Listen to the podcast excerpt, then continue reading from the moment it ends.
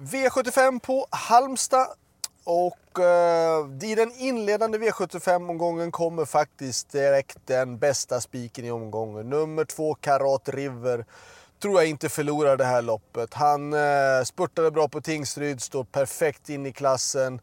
Eh, det ska till ganska mycket för att Karat River ska förlora. För mig är det den absolut bästa spiken i den här omgången. Varningen emot är i sådana fall nummer fyra, Larry Wood, tycker jag, som också såg bra ut senast och höll bra. Uh, inte så mycket att säga om det. Perfekt utgångsläge med spår 4.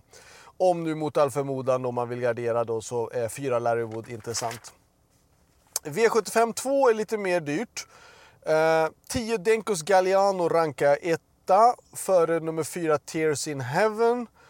Och nummer 2 vinner Brodde. Så Untersteiner hästar rankas 1, 2, 3. Där bakom nummer 7 Farfars Dream och nummer 6 Run for Sebastian. Varningen skulle jag vilja säga egentligen det är nummer 9 Blackfire. Det där är en riktigt bra häst och var en väldigt bra häst förra året. Var ju med i derbyförsök bland annat och kommer nu ut där på hemmaplan. Det kanske är ett riktigt lyxstreck, men det är en bra häst i grund och botten. Och Danne Widegren en duktig tränare och Gustav Johansson en duktig kusk. Så att om ni vill ta ytterligare en häst kan jag tycka att det kan vara värt att ta med 9 Blackfire i sådana fall. V75 3. Eh, klar första häst nummer 12 Smile Silvio. Men jag vill även varna för nummer 1 Draupner. Det är de två som jag tycker är utgångshästar. 12-1. Där bakom tycker jag 9 Grappa Boy, 2 Isor Sisu och 7 Global Bodyguard är i sådana fall. Varningen det är att Erik Adielsson ska köra den här Oscar Run. Och den är även gynnad av att det är en strykning i det här loppet. Så att eh, det är i sådana fall varningen. Men 12-1, där bakom 927 tycker jag. V75 4.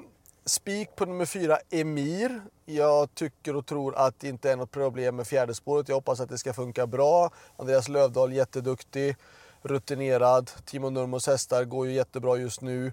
Ehm, det, ska stå bar, det står ju här första barfota runt om i guiden och det är ju såklart jätteintressant. Ehm, kan väl tycka att om man nu letar motbud då, så två Ransom Tile vann jag med för två starter sen. Han gick bra då. Eh, sju budets Olof om den skulle kunna få ledningen. Från 20 meters tillägg tycker jag i sådana fall 10 Global Duty, 11 Gilmore Trott, 13 Dutdes och 15 Labaid Bros i sådana fall är intressanta. Men fyran är så oklara första hästen i loppet. V75 5. Eh, spikförslag på nummer 9, Muscle Rex.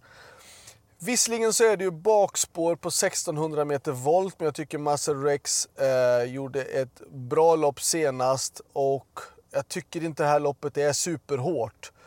Vill man gardera då tycker jag 1 Kokabura är intressant, 4 Tuppen, 5 Listas Champion, 11 eh, Warriors Tail. Har man råd med ytterligare hästar då tycker jag 8 Otomarasun intressant från det utgångsläget och då L12 Sobel Kaviar som har ett riktigt uselt läge men som gjort ett väldigt bra lopp senast. Så att, eh, men 9 solklar första häst, där bakom 1, 4, 5, 11, kanske 8, 12. Uh, V75 6. Uh, det är mycket möjligt att ett Hellband for Am leder det här loppet runt om. Eh, åtta Önas Prins är värsta utmanare, men jag vill även lägga lite varningstecken för fyra Ultion Face och tre Aetos Kronos. Jag rankar loppet som 1, 8, 4, 3. Men utgångshäst, solklar första häst, tycker jag ändå att det är ett Hellbunt for Am med tanke på att den just har spår 1 och kommer från seger. Och att det är 1609 och inte 1640 meter. V75 7. Tre utgångshästar och det är nummer 1 Kaxig In, 4 Kapten Brodde och 6 Ny Ras Lars R. De gjorde ett jättebra lopp senast.